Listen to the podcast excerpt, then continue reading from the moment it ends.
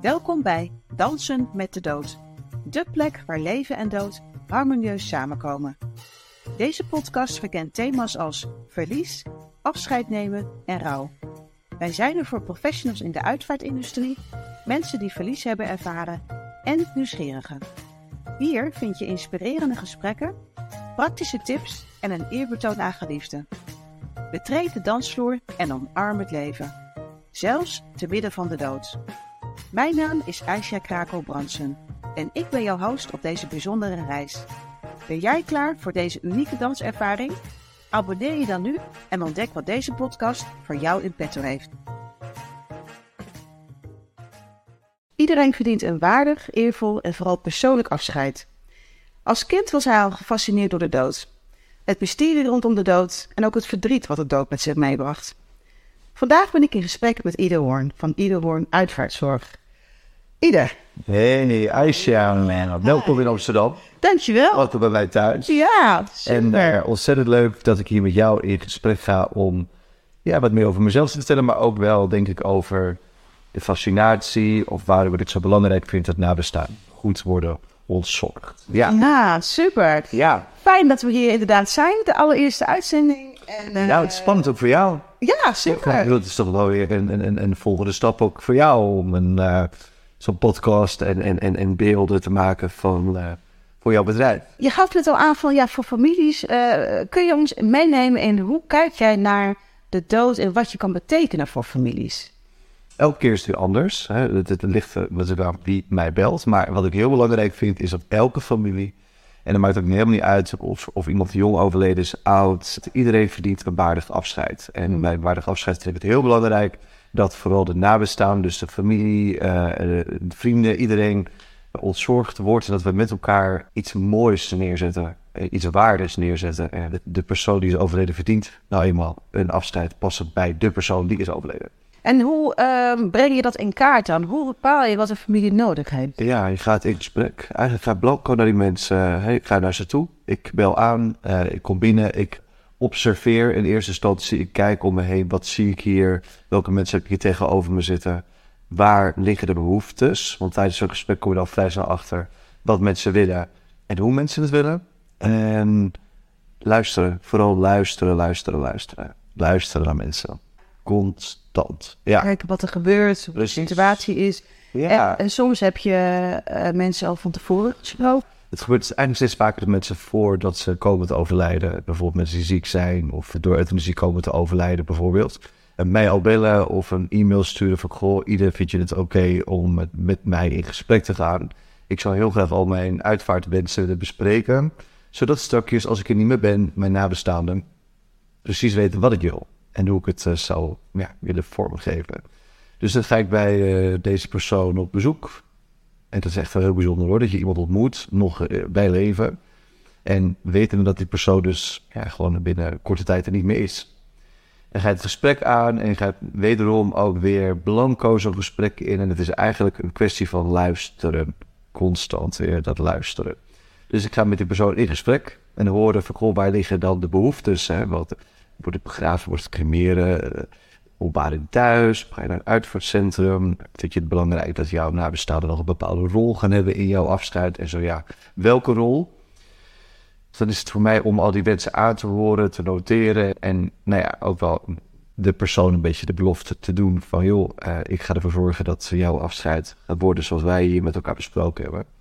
En dat probeer ik dan ook. Dus toen kom ik, hè, op een gegeven moment is de persoon weggevallen... en dan word ik bij de nabestaanden en dan gaat het over het afscheid. En dan nou, geef ik ook aan van, joh, dit zijn de wensen van vader of moeder of wie dan ook. Hoe eh, staan jullie erin? En laten we vooral zoveel mogelijk zijn of haar wens eh, nastreven.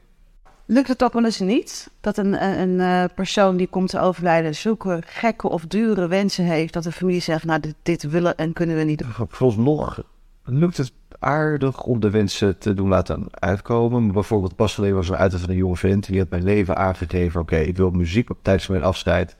Eh, het mag pianomuziek zijn, maar geen muziekstukken die ik zelf op de piano heb gespeeld. Absoluut niet. Dus ik in gesprek met de nabestaanden, die gaven aan van oké, we hebben een aantal muziekstukken uitgekozen, waaronder één muziekstuk wat hij wel zelf heeft gespeeld.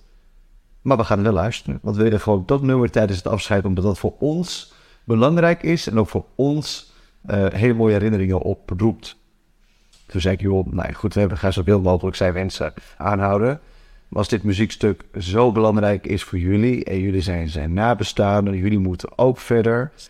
Ja, ach ja, kan ik me er iets voor voorstellen dat dan één zo'n muziekstuk niet zoveel moet uitmaken. Nee, precies. Want het gaat erom uh, natuurlijk ook hoe heeft diegene geleefd en wat vindt diegene belangrijk. Maar wat je net ook zelf zegt, een familie moet verder en die moet exact. een gevoel hebben bij de exact. Het is ook een afscheid, weet je. Dat moet goed zijn en ook goed voelen. Ja. En dan kan bijvoorbeeld iemand zeggen bij leven... ja joh, uh, niemand gaat mij meer zien als ik straks ben overleden. Kist gaat dicht en ik ga de koeling in. Ja, maar goed, voor hetzelfde geld is er nog een moeder, vader, een, een broer, zus, neef, nicht, partner, kind. Die zegt, ja, maar ik wil, wel, ik wil hem wel even zien om, om, om te zien dat hij ook daadwerkelijk er niet meer is. En uh, voor mijn verwerking is het belangrijk om de persoon nog heel eventjes aan te raken. Ja, dat, wat doe je dan, hè? Ja, wat doe je dan? Wat doe je dan? Zij in mijn geval denk ik dat ik het toch laat bij de overlaat aan de nabestaan om die keuze te maken. Ja. Joh, um, doe wat goed voelt en houd in je achterhoofd dat dit de wens is die is uitgesproken. En dan kun je natuurlijk ook alsnog de keuze maken, oké, het is niet zo dat iedereen de persoon nog gaat zien. En als het enkeling is en daarna gaat alsnog de wens uitkomen dat meneer de koeling in gaat uh, en de kist gaat dicht.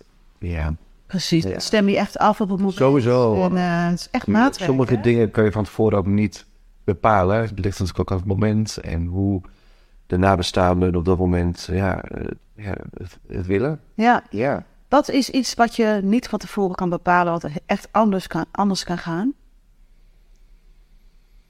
Ja, heel veel dingen toch eigenlijk wel.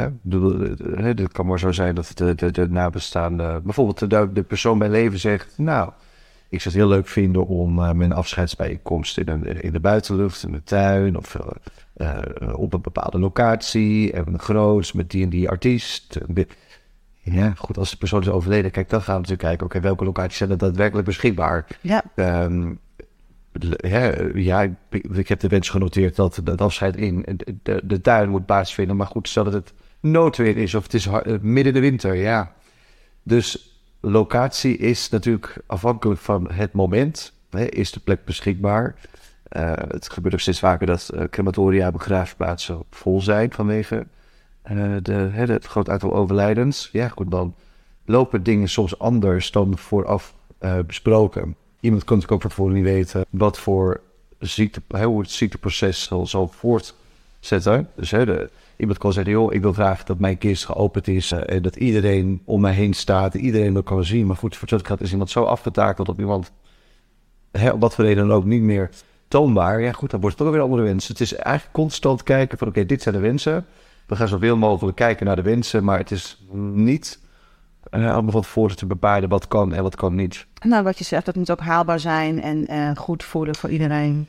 Hè, Ja. Stuk. Het is dus eigenlijk constant aanvoelen van oké, waar liggen dus die behoeftes? Hè, Iemand kan bij leven natuurlijk aangeven, dit, dit en dit en dit wil ik. Maar het zijn ook de nabestaanden die, die moeten dealen met overlijden en ook een weg moeten vinden om op een goede manier afscheid te nemen, zodat ze daarna ook verder kunnen met hun verdriet en het verwerken van, uh, van het overlijden. Als er al überhaupt nabestaanden zijn. Want ik hoor ook steeds vaker dat mensen ja, zonder nabestaanden een uitvaart uh, Ja. hebben. Heb je dat ook wel eens gehad? Ja, of dat er bijvoorbeeld alleen maar vrienden zijn of buren. Ik heb één keer een uitvaart meegemaakt, dat is een mevrouw, uh, waar ik mee gesprek Een vriend van haar was overleden, een meneer van uh, 90. Zij was zelf 80. Er was verder geen familie, er was niemand meer. Uh, maar zij gaf aan van, joh, de kerk was belangrijk, de katholieke kerk was belangrijk voor meneer. Ik wil de religie terug laten komen in zijn afscheid. Dus ik wil gewoon voor hem een uh, katholieke uitvaartmis met alles wat erbij hoort. Een pastoor, wierook, wijwater, uh, de zegen, de beden, nou, noem het op. Alles wat te maken heeft met de katholieke uitvaartmis moest bij zijn afscheid aanwezig zijn. Nou, de dag van het afscheid was ook in een kerk. Eer, op de eerste rij zelf mevrouw, ik ben er maar naast van zitten, want onze, er was niemand anders in die kerk. En er was de pastoor die de dienst uh, begeleidde. Er werd inderdaad een dienst van anderhalf uur met alles erop en eraan. En daarna is hij uh, weggebracht naar de begraafplaats. En de dragers zijn weggebracht. En ik liep met die mevrouw achter de dragers aan naar het graf. En dat was het afscheid. Wat bijzonder. Heel bijzonder. En zo persoonlijk ook weer, ondanks dat het zo... Ja, het is natuurlijk heel klein. Ik bedoel, er was één iemand uh, aanwezig voor zijn afscheid. Maar waarom hem dus niet dat afscheid geven... omdat er dan één iemand in de zaal zit, is natuurlijk onzin. Dus we hebben het gewoon helemaal uh, gedaan... dat echt paste bij deze meneer. Dat is eigenlijk ook al een beetje een, een, contrast ten opzichte van de uitvaarten die jij ook wel doet, hè? Die heel bombastisch en ja, groots, groots uh, worden ge, gedaan en die jij heel goed kan begeleiden met alles erop en eraan. En dan heb je zo'n uitvaart dat zo, zo klein is en, en toch zie ik jou met dezelfde passie dit verhaal vertellen. En dat is ook, ik word oprecht, en ik kijk heel stom, maar ik word ook echt heel blij van het organiseren van, van een afzet voor iemand. En het maakt niet uit of, nogmaals of dat heel groot is of heel klein. Het is juist ook wel weer de uitdaging om iets kleins mooi te laten zijn en lief en intiem. Uh, ik wil niet zeggen dat een grootste afscheid niet intiem kan zijn, maar het is constant weer zoeken naar een manier waarop het afscheid gewoon zo mooi vormgegeven kan worden. Dat het voor iedereen goed voelt. En hè, of er nou twee mensen in de zaal zitten of er zitten er 300. Dat iedereen met een bepaald gevoel naar huis kan gaan. Het verdriet is niet minder als het afscheid heel groot is of, of als het afscheid heel klein is, maar het moet vooral, ik denk toch wel iets, ja, toch een positief gevoel. Vind ja. je dat, hè? Ja, mens, nou, ik vind het heel mooi dat je er zo in staat, want het is echt iets menswaardigs dan, hè? Mm. En in elk mensenleven verdient het om ook op die manier uh, afgesloten te Sowieso, zeker. Dat heb je hoog in het vaandel staan. Ja. Ik gaf net al in het begin aan dat jij als jongetje eigenlijk al gefascineerd was door de dood. Hoe is dat zo ontstaan en wat kun je daarover vertellen? Ja, dan moet ik even weer terug. Dan ga ik uh, 37 jaar terug in de tijd. nee, even denken mijn eerste herinneringen aan uh, bezoek van een uitvaartcentrum. Toen was ik een jaar 7, 8. Toen zag ik voor het eerst, oh, dat was mijn overgrootmoeder was overleden. Ik zag haar, dat was de allereerste keer dat ik een dood persoon zag. Toen dacht ik al van, Hmm, wat is dit? En wat gebeurt hier? En hoezo verkleurt ze zo rond de mond? Dat kan me nog heel goed herinneren. Dat, dat ik dat zag en dat ik dat heel gek vond als kind. Nou goed, dat... dat, hè, dat Omdat het niet... Omdat het, uh, het leek niet op je oma het lichaam? Op wat... Uh, dat, uh, wat ik dus niet goed... Ik kon niet goed begrijpen... A, zo'n kist zo'n glasplaat. En daar lag dan mijn overgrootoma, overgrootmoeder lag daarin. Uh, in die kist. Um, en ik zag dus die verkleuring rond de mond. Toen dacht ik, ja, wat, wat heeft ze gedaan? Wat is dat voor raar, uh, voor rare kleur? En, en, nou, ik kon als kind kon niet, kon niet begrijpen wat het, wat het nou was. Ik vond het ook maar gek dat ik mee moest naar zo'n kerk. Dat iedereen aan het huilen was. Ik begreep er toen helemaal niks van. Uiteraard, ik ben nog veel te jong om dat te begrijpen. Weet je ook wie het verteld waarschijnlijk in die tijd? Nou, niet echt. Ik moest mee. Ik ja. wist weet alleen dat ik, dat ik absoluut niet mee wilde naar de kerk, maar ik moest. Ik moest daarbij zijn. Dus dat was mijn eerste ervaring met een dode. Uh, ik werd ouder en op een gegeven moment kreeg ik op de middelbare school, nee, wat was het? Op de groep 8 kregen we een rondleiding in een uitvaartcentrum. Ik was 12. En ik kreeg een rondleiding uh, met de hele groep, de hele klas. En toen kregen we dus, uh, we mochten kijken in zo'n verzorgingsruimte, in, in, in zo'n kistendepot, en een ruilauto stond stonden daar, weet je. Dus ik vond dat heel fascinerend. En ik kan me nog goed herinneren dat eigenlijk alle klasgenoten zichzelf van, wat is dit? Oh, ik wil het helemaal niet zien. Ik vind me eng. En ik had zelfs zoiets van, oh, ik wil meer weten. Uh, waar is de koeling? Hoe ziet dat er dan uit? Hoeveel mensen liggen daar dan? En hoe, hoe gaat het dan, die verzorging? Nou ja, alles. Ik wilde eigenlijk heel veel dingen weten. Maar ik wist die antwoorden toen niet, omdat het, ja, het, moment was er niet naar. En we waren met een te grote groep om al die vragen beantwoord te krijgen. Dus op een gegeven moment wij gingen nou weer weg. Het zat ergens in mijn systeem. Weet je, het is ergens opgeslagen, maar ik heb het soort van weggestopt. Voor mezelf jong. Je hebt geen idee dat je wat, je, wat je moet gaan studeren, laat staan wat je daarna wil gaan doen voor werk. Dus het is zo, ik heb het geparkeerd en dat is eigenlijk een aantal jaren later is dat weer uh, teruggekomen toen ik werkzaam was in de zorgsector. Uh, de ouderenzorg waar heel veel ja, bewoners kwamen te overlijden. En ik dus weer geconfronteerd werd met die dood. En dus ook, hè, ook zag hoe dan de overleden persoon werd verzorgd. En het kist werd gelegd, hoe iemand werd weggebracht. En daar hield het natuurlijk op, want dan ging ik weer verder met mijn werkzaamheden. En een uitvaartbedrijf nam dat over. Dus toen dacht ik al van, ah, het is wel interessant. Hè? Wat gebeurt er dan? En wat moeten ze nog meer allemaal regelen dan? Hoe ga je om met een familie die rouwt? En nou, heel, veel, heel veel vragen. Wederom geparkeerd. Toen ben ik negen jaar gaan vliegen. Dus heb ik een beetje de wereld gezien. En uh, veel uh, mensenkennis eigenlijk opgedaan. En uh, nou, heel veel mooie dingen gezien. Heel leuk. Echt te gek. Toen kwam ik weer terug. 30, fietsen naar mijn sportschool. Ik zag er een bord staan eh, bij ons in de buurt van... hey, eh, Jarden bouwt hier het multicultureel uitvaartcentrum. En toen werd ik weer getriggerd. En toen dacht ik, oké, ik ben nu 30. Ik denk dat het nu goed is om te onderzoeken... wat nou eigenlijk de hele uitvaartwereld inhoudt. Ja, eh, wat doet zo'n uitvaartcentrum nou precies? En, en, en wat doet zo'n uitvaartverzorger? Dus ik had te veel vragen. Ik heb een e-mail gestuurd. Werd uitgenodigd bij, bij een mevrouw aan tafel. Die vertelde me van... Uh, joh, we gaan binnenkort een uitvaartcentrum openen. We zijn op zoek naar mensen. We vonden jouw mail zo leuk eigenlijk, omdat je nul ervaring hebt. Wil ik jou uh, voorstellen aan een, uh, een uitvaartverzorger. En jij mag twee dagen met haar mee op pad, gewoon om te zien wat zij doet. En aan haar kun je al je vragen stellen die je mij in de mail hebt gesteld. Wat dacht je dat je die mail kreeg? Nou ja, te gek oh, dit, dit is wel een kans. Weet je, dus ik was toen op, op dat moment was ik nog werkzaam als uh, steward. En ik dacht, weet je, ik ga gewoon kijken hoe die uitvaartwereld is. En wie weet, weet je, dan gaan er wel weer deuren open. Dan kan je het ene kun je het afsluiten en dan, dan, komt er wellicht iets anders. Nou, ik twee dagen met die uh, dame mee. En eigenlijk na twee dagen dat ik af van, oh, dit is heel interessant. Maar ik zie het mezelf niet doen. Ik zie het mezelf absoluut niet doen, want ik vond het zo heftig A, al, al die emoties, al die mensen. B, mega grote uitvaart. Dus ik was op een gegeven moment bij een Indische familie. Nou, er waren misschien 300 mensen. En daarna dacht ik, ja, hoezo hoe kan zij dat? Hoezo krijgt zij het elkaar dat al die mensen luisteren in, in zo'n ruimte? Dat ze, dat ze mensen aan kan sturen en dat alles zo heel smooth loopt ja, ik vond het heel spannend. Ook omdat ik in mijn rol als steward en ik in cabine daar helemaal niet mee te maken had. Dus ik dacht, nou, oké, eh, ik weet niet of ik het mezelf zou doen. Uh, maar goed, zij zei na twee dagen, ik zie jou dit wel doen. Binnenkort is er een selectiedag, zei ze. Uh, ik ga ervoor zorgen dat je bij de selectiedag komt. Dan ga er naartoe. Je hebt niks te verliezen. Ga naar de selectiedag. En voor een nul uur contract. En weet je, dan kun je altijd zien of het iets voor je is. Dan je rolt er gewoon in. En dan ga je het gewoon lekker combineren met het spiegel. En dan zie je wel wat je ervan vindt. Nou, ik dacht, je hebt nog gelijk ook. Ik naar de selectie dat een paar weken later. En van al die kandidaten werden er twee uitgekozen uiteindelijk uh, na die dag. Werd geselecteerd voor een nul uur contract. Nou, ik was één van de twee. Ik denk, oké, nou, de, de volgende stap. Met vliegen gecombineerd? Ja, ja. ik had part-time. Toen mocht ik uh, 50% vliegen, dus twee weken vliegen. En ik kwam er twee weken terug bij deze uitvaartorganisatie. Twee weken op, twee weken af. En dat ging eigenlijk heel erg goed. Maar ik merkte wel van, joh, dan ben je twee weken werkzaam in de uitvaartbusiness. Je bent de familie aan het begeleiden. De week erop is de uitvaart. En dan moest ik weer zeggen, nee, ik kan volgende week niet, want dan ga ik naar Mexico. Of ik uh, kan niet, maar mijn collega heeft het over. En op een gegeven moment voelde dat niet goed.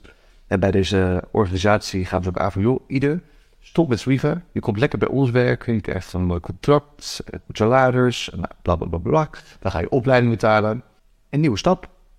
Nou, toen dacht ik, ja, dit is wel de kans. Dat komt op mijn pad en ik moet het gewoon aangrijpen. Weet je, dit is gewoon het moment om die switch te maken van de luchtvaart naar de uitvaart. En zo beginnen. En dat is nu zes jaar geleden. Ja, bijna zeven jaar geleden. En toen ben ik gestopt met vliegen. En na een dik jaar, anderhalf jaar, dacht ik, ja, weet je wat ik nu voor een grote organisatie doe? Kan ik ook voor mezelf.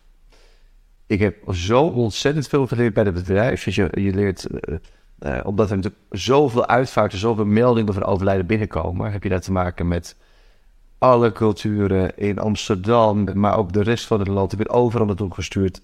Kindjes, oude mensen, Hindoestaans, Surinaams, katholieke uitvaartmissen, eh, alles. Dus ik heb zoveel geleerd. Ik was na anderhalf jaar zo zeker van mezelf dat ik dacht van oké, ik kan dit. En eigenlijk moet ik het gewoon voor mezelf gaan doen, omdat ik dan volledig, 100% en dan kan focussen op de familie. En op één familie of twee families in de week. In plaats van meerdere uitvaarten die ik van bij het andere bedrijf moest doen per week. Dus het was gewoon te veel. Het voelde niet alsof ik echt 100% daar voor de mensen kon zijn. En als je gewoon meerdere families hebt, ik hoor wel eens uh, mensen zeggen van vijf families in een week. Nou, dat, kan me niet voorstellen dat je dan met zoveel aandacht nog... Nee, dat gaat niet. Dat gaat gewoon niet. Dat je denkt, wie, hoe heet die man ook alweer? Of, uh, ja, of wie was weer overlezen of daar. Ja. ja. Dus je wilde gewoon echt ook voor jezelf misschien ook, maar juist ook voor families meer er zijn voor ze. Met meer aandacht kunnen Exact, ja. Dus de stap genomen, voor mezelf begonnen, dat is nu dit jaar vijf jaar. Lust een feestje? Ja, dat moet wel gevierd worden. Ja. Ik wel. Nee, dus Ja. dat, dat zeker. Ja, het fijne is dat je dus merkt, of wat ik merk, is dat in de loop der jaren eh, je, families wat bijstaan. En dat binnen die families, dat ze weer terugkomen als er, als er bijvoorbeeld weer iemand komt te overlijden. Met ze spreken over je. Ja, van een uitvaart komt een uitvaart. Dat klinkt heel gek, maar is wel zo. Hè? Als je iets hebt georganiseerd en de mensen zijn tevreden, zullen ze de volgende keer je ook weer wennen. En dat is zo bijzonder, dat je dus weer eh, mag terugkomen bij een familie. Grote compliment kun je niet krijgen, denk ik. Zeker niet. En het is sowieso elke keer weer bijzonder om te zien dat je een week toegelaten wordt bij zo'n familie. Dat je even onderdeel mag zijn van zo'n groep. Onderdeel mag zijn van ja, een, een moment dat natuurlijk heel verdrietig is. Hè, hartstikke intens. En mag je daar een week lang ja, even part of the family zijn. En dan, dan leef je samen naar het moment van de uitvaart. Nou, dat, dat is die dag van de uitvaart is klaar. En dan stopt dat. En dat is ook weer heel goed. Ga je weer verder. Dan komt weer de volgende familie. Dat is wat het werk zo bijzonder maakt. Dat elke keer is het weer de vraag... Wie, bij wie bel je aan? Je weet nooit wie je belt. Je weet nooit wanneer je wordt gebeld. 24-7 bereikbaar. Wat inhoudt dat je gewoon midden in de nacht gebeld kan worden. Of dat je net op zaterdagochtend plannen maakt om in de avond dus leuks te gaan doen. En dan ga je je telefoon. Weet je, is constant wel die flexibiliteit die je wel moet hebben. Ja, precies. Oh, je gaf net al een beetje aan van, goh, heel veel verschillende uitvaarten. Kun je een uitvaart omschrijven die je is bijgebleven, die je niet meer uit je hoofd krijgt, bij wijze van spreken? De uitvaarten die in mij het meest bijblijven, dat zijn toch wel de uitvaarten van jonge mensen. Ja, pas geleden van een jongen van 32. Dat is zo'n intens verdrietige uitvaart, omdat zo'n jongen dan nog een vriendin heeft, vrienden, mijn leeftijd, eh, Ouders. ouders, grootouders, eh, ontzettend veel vrienden, collega's. Dus dat zijn toch best wel hele intense uitvaarten. In dit geval had die jongen ook nog een kindje. Nou goed, dat is een, een van vier dan zijn papa verliest. Dus dat is dat het dat zo'n afscheid zo intens maakt. Maar doordat het zo intens is, eh, en ik laat het ook wel echt binnenkomen, en ik ben ook wel echt dan eh, heel erg betrokken bij zo'n familie, is het wel zo dat dan extra die drive voel om iets heel moois neer te zetten samen met de nabestaanden. Dat zo'n jongen een podium krijgt en dat hij het afscheid krijgt wat hij verdient. In dit geval mo- moest dat groot zijn, moest dat met heel veel toeters en bellen, noem ik het maar. Maar dat was met vuurwerk en fakkels en, en motoren en, en op verschillende routes, erehagen en, en het kindje wat een rol kreeg met allemaal klasgenootjes. Dus ik denk, dat voel ik extra wel, toch echt, echt die drive om dat gewoon zo mooi te doen. Dat is echt niet dat ik dat doe, want het is de, dat zijn de nabestaanden die het doen. Maar met elkaar, hè, soms moet je gewoon de mensen een beetje sturen of laten nadenken, of doen laten nadenken. Van god, maar dit kan ook. En dan heb je wel nagedacht over dit, of dat, of zus of zo. Door mee te denken kan je, kan je wel echt een verschil maken. Ja, En ik hoop dat elke keer weer, van dat als de nabestaanden terugkijken op zo'n hele verdrietige dag, dat ze ook kunnen terugkijken met een glimlach en denken van, oh ja, het had niet beter gekund, het had niet mooier gekund. precies. Maar het afscheid, dat, dat moet, moet er wel zijn. Maar je, je kunt het ook op een hele nou ja, mooie manier. Het moet wel mooi aanvoelen, hè? Mooi zijn. En als je dan zo'n uitvaart hebt, of het nou een hele heftige uitvaart is of een van de andere uitvaarten, hoe kom jij thuis op een dag? Hoe ontlaat In de je? auto. Nee. ik heb misschien een... Ik krijg even een melding. Ja, ik check hem heel even. Ik ben altijd van een telefoontje van de familie. Oh ja, precies. En die kunnen ze op elk moment eh, kunnen ze bellen. Dus dat is a part of the job. Maar ehm, hoe kom ik thuis? Standaard, allereerst wat ik doe, na de uitvaart, elke uitvaart, stap ik in de auto. Ik bel Chris, mijn man. En die gewoon even om te vertellen, nou, eh, dit is wat gebeurd. Er is een mooi afscheid. Dit, er heel veel mensen. Of ik vond dit heel intens. Ik heb dit, dit meegemaakt. Dus ik wil eigenlijk constant wel mijn verhaal delen. En dat is sowieso maar uit als ik bel met hem. Maar er zijn ook een aantal mensen die, met wie ik eigenlijk heel veel contact heb. Collega's, vriendinnen, vrienden. Die een, een ontzettend goede uitlaatklep zijn voor me. Dus eh, na zo'n heftige dag wil ik dan altijd even mijn verhaal doen. Het uitspreken, ik doe het herbeleven in mijn hoofd. Ik kom thuis, ik heb er nog even een kwartier, half uurtje over en dan is het klaar. Want dan ga ik boodschappen doen. Dan ga ik eh, wat gezelligs doen met, eh, met eh, vrienden of met mijn man. Of ik ga lekker sporten. Dus ik heb wel voor mezelf bedacht, oké, eh, er moet een knop op. Een gegeven moment is het klaar, je werk is klaar. En ondanks dat het dan een vak is waarbij je nou ja, toch te maken hebt met heel veel emoties, probeer ik toch zelf niet, niet betrokken ben te emotioneel. En dat gaat me steeds beter af. Ja. In de ene situatie grijp je meer aan dan de ander. Ja, want ik kan me voorstellen dat eh, als je een voorgesprek hebt met iemand die nog leeft, ja, dat je dan meer emotioneel betrokken bent bij diegene. Die zag je nog levend. Klopt. Of, of, of dat- ja, dat ervaar je ook zo. Ja, het ligt echt aan de situatie weer. Ik had gisteren een telefoontje van een meneer en die gaat komende donderdag overlijden, de euthanasie. En, en die meneer heb ik een aantal keer ontmoet en die heb ik ook gisteren telefonisch gesproken. En dat ik altijd bijzonder dat we nog met hem in gesprek zijn, weten we dat hij volgende week donderdag overlijdt.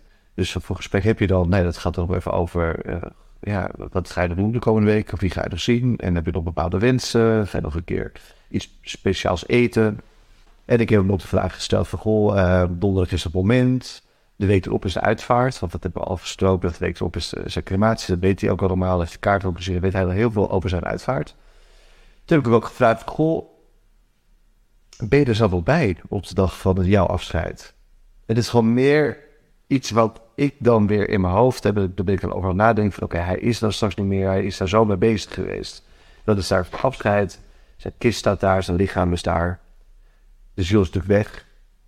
En dan ben ik toch benieuwd wat er dan gewoon in zo'n kopie omgaat. Hè? Denkt hij ook na over dat moment? En dan zei hij van, nou nee, dat, eh, dat weet ik niet. Zie ik dan wel. Ik heb daar helemaal geen idee bij. Ik denk er ook niet over na. En dat is wel iets dat, dat, wat ik me dan weer afvraag. Eh, je hebt het over, eh, over een, bepaald hiernamaals of wat de ziel, de reis van de ziel. De- omdat het zo'n mooi afscheid wordt. Het wordt echt heel mooi en heel lief. En dan met dat live muziek. Het wordt echt wel heel... En dat mist hij dan. Ja, vroeger, dat, dat, dat was ik zo benieuwd naar. Van, goh, ga je dat dan wel meemaken? Ga je het zien? Dus, In welke vorm dan ook, hè? Ja. Eh, whatever. Ik, bedoel, ik, ik heb er ook helemaal geen ideeën over. Maar het is wel dat ik me dan afvraag... wat bedenkt iemand of hoe denkt iemand... die weet dat hij volgende week gaat overlijden? Dat is wel iets wat me fascineert. geloof je zelf in een leven na de dood? Nou, ik denk dat het er meer is tussen hemel en aarde. Ik kan, me- ik kan me niet zo goed voorstellen dat het dan stopt... Ja. als je je laatste adem uitblaast. Dan denk ik, ja, waarom zitten wij nu met z'n tweeën op de bank dit gesprek te voeren... en doen wij ons ding en leven ons leven... en dan is dat straks klaar en dan ben je weg? Hoe wil jij herinnerd worden? Best wel een zorgzame en aardige echtgenoot. nee, ik, ik hoop gewoon positief. Dat is wel wat ik hoop. Maar Nou, ja, ik denk als je zo bent en je... Zolang je maar oprecht bent, en dat, dat probeer ik ook te zijn in, in, in, in, het leven. Gewoon oprecht en, en, en aardig en, en ja, het, het zorgt voor andere mensen. Ik hoop dat, dat mensen dat wel zullen onthouden. ja. Ja. En tenslotte zou je willen afsluiten met een echte ieder quote. Wees lief voor elkaar. Gewoon lief zijn. Wees gewoon aardig, weet je. Soms, soms kom je op plekken waar mensen misschien wat minder aardig zijn. eh, ja, of dat je minder een klik hebt met iemand. Maar probeer iedereen eh, met respect te behandelen. En ik denk dat als je dat geeft, krijg je het weer terug. Dus ik denk dat als alle mensen gewoon lief zijn met elkaar. En, en, en ja, ik denk dat, dat, dat de wereld best wel een beetje gezelliger kan worden. Ontzettend bedankt voor dit gesprek. En jij bedankt. Oké. Tot de volgende keer, hè? Ja. Zie ik je later? Ja, absoluut. Oké, doei. Kom maar in.